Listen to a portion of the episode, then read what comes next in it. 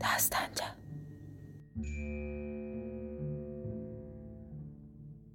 Hüseyn elə əmmi çubuğunu təzələyərək Mənim vəliəhtin həyət qulluqçuları yanında çox hörmətim var idi. Ara bir hərəmlər də həyətə gəlib gül istərdilər. Dəstə tutub verərdim. Mənə hərdən bir hədiyyə də verərdilər. Müzəffəreddin Mirzənin hərəmi Ümmül Xaqan Tehrandan Təbrizə gəlin gələndə mən həmin Şəmsil İmarənin bağçasında gülçülük edirdim. Ümmül Xaqanın atası İranda çox məşhurdur. Mirzə Təqi xan Əmir Kəbir desən, bunu hər kəs nişan verərdi. Amma qızı Ümmül Xaqan xanım çox axlaqsız idi. Gədə güdəyə sataşar deyə, bunun da üstündə mənim başım bir qalmaqal çəkdi. Gecələrin birisində bağçanı suvarıb yorulmuşdum. Qapını qıfıllayıb gəlib yatmışdım.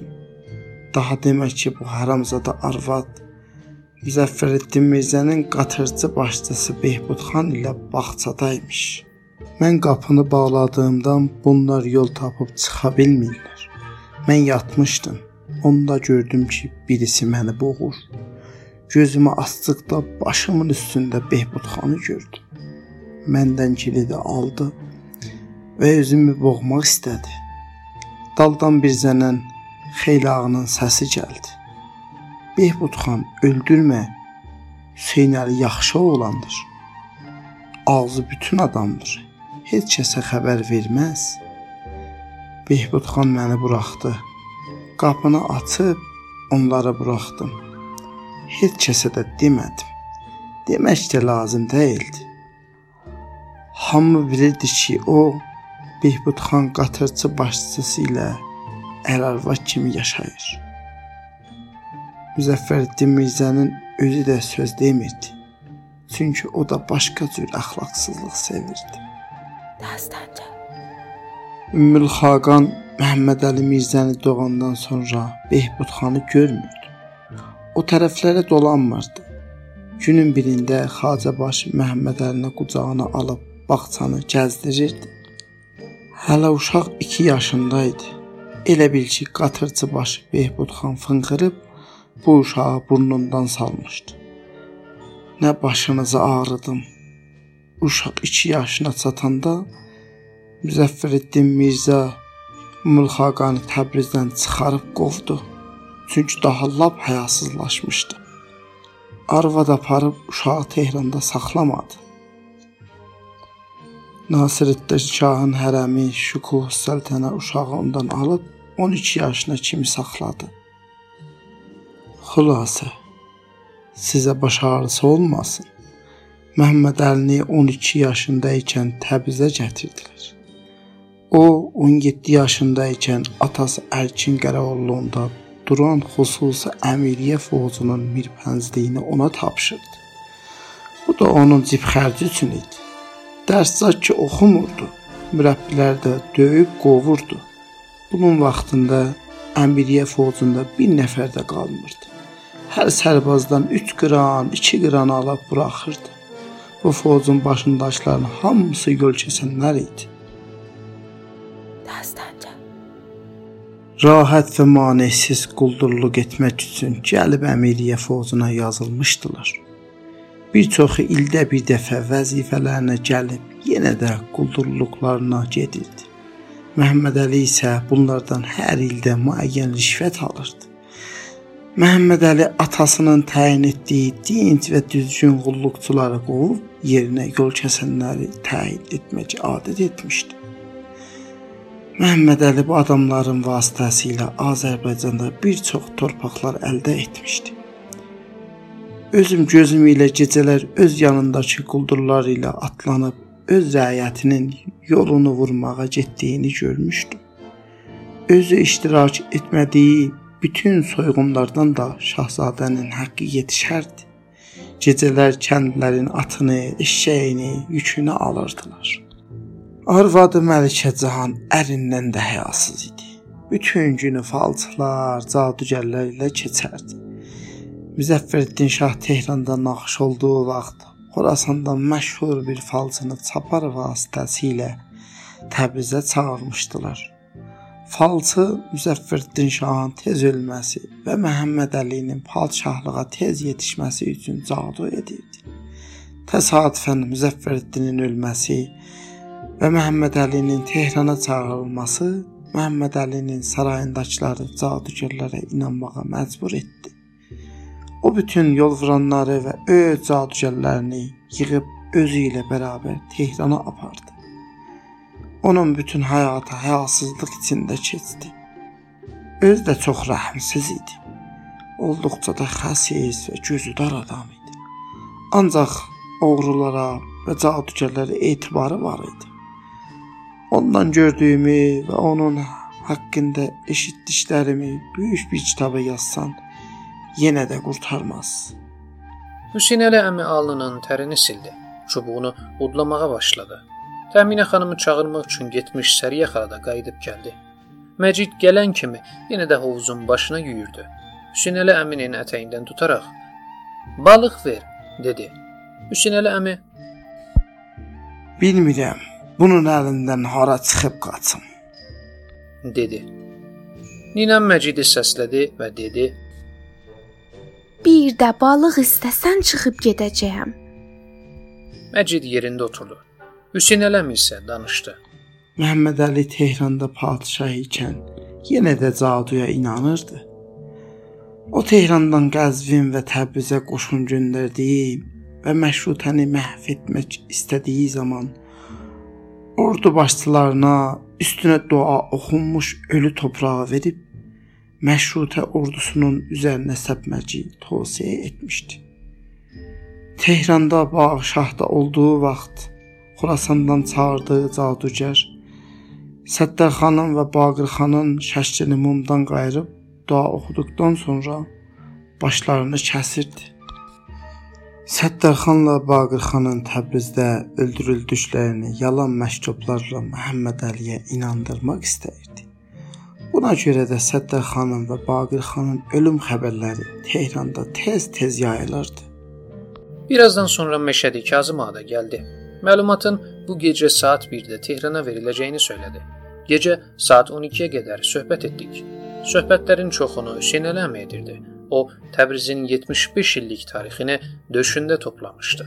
Miss Hannanın konsulxanada xəstələnib evə qayıtdığını bilirdim. Bunu öz məktubunda da mənə bildirmişdi. Onu yoxlamağa getməli idim. Əlimi onun alnına qoyduqda şiddətli hərarət içində olduğunu hiss etdim. Qızdırmanın şiddətindən tez-tez dilini çıxarıb qurumuş dodaqlarını yalayırdı. Həkim yenicə getmiş imiş. Qulluqçu qadınsa dərman gətirmək üçün gedib hələ qayıtmamışdı. Qız əlimi əlinə alaraq zəifcə sıxdı və dedi: "Bu gün konsulun hərarəti mənim hərarətimdən daha artıq idi. O çıldırmışdı.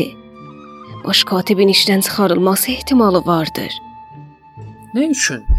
Konsul 3 gün bundan əvvəl Amerika ticarət müəssisələri nümayəndələrini çağırmağı, səfirin Vaşinqtondan aldığı əmri onlara bildirməsini, İranda şuluqluq olduğu üçün ticarətin dayandırılmasını və İranlılara etibar buraxılmasını onlara xəbər verməyi katibə tapşırmışdı.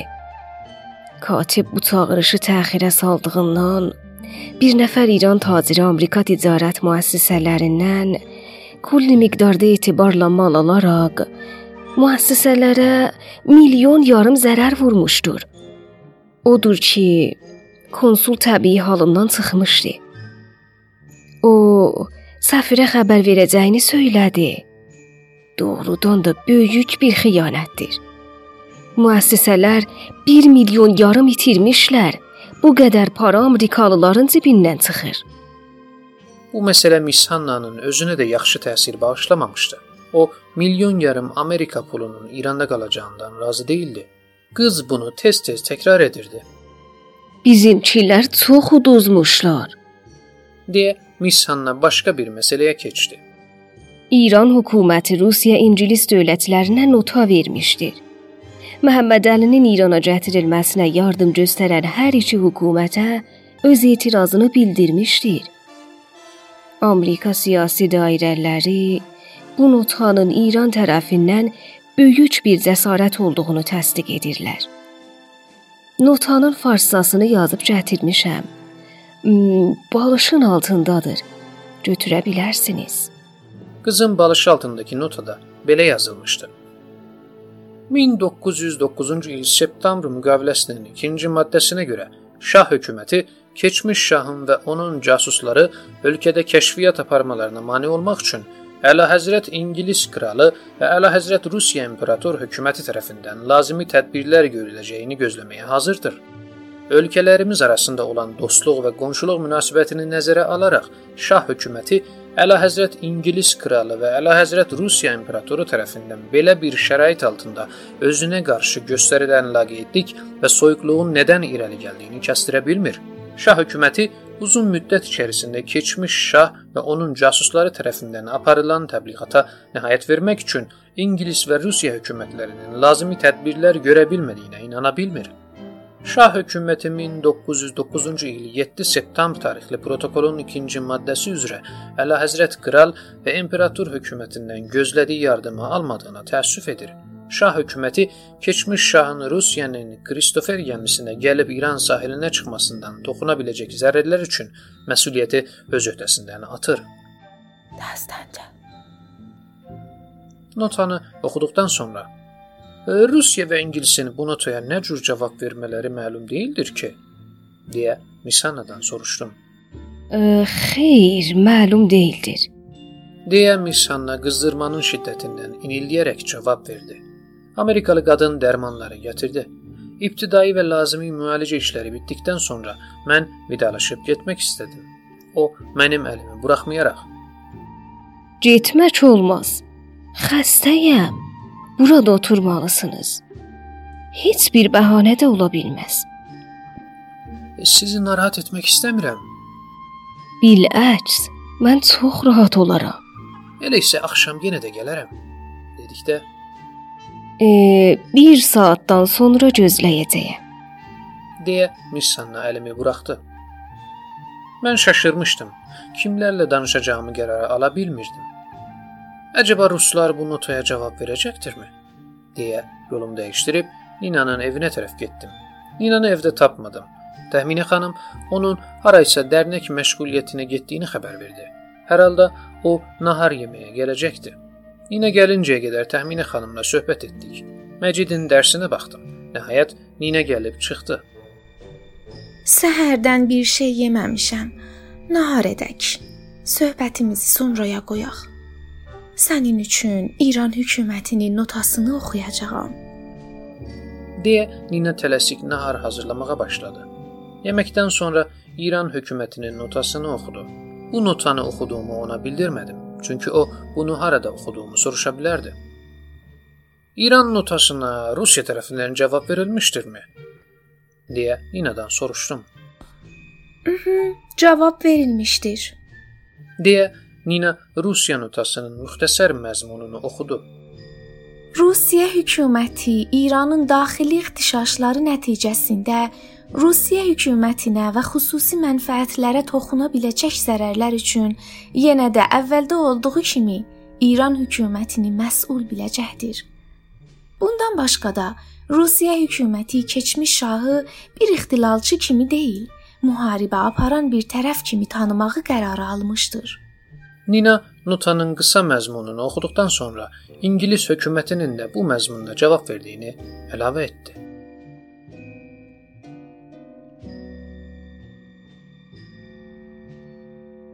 Kitabın adı Dumanlı Təbriz. Yazar Məhəmməd Səid Ordubadı.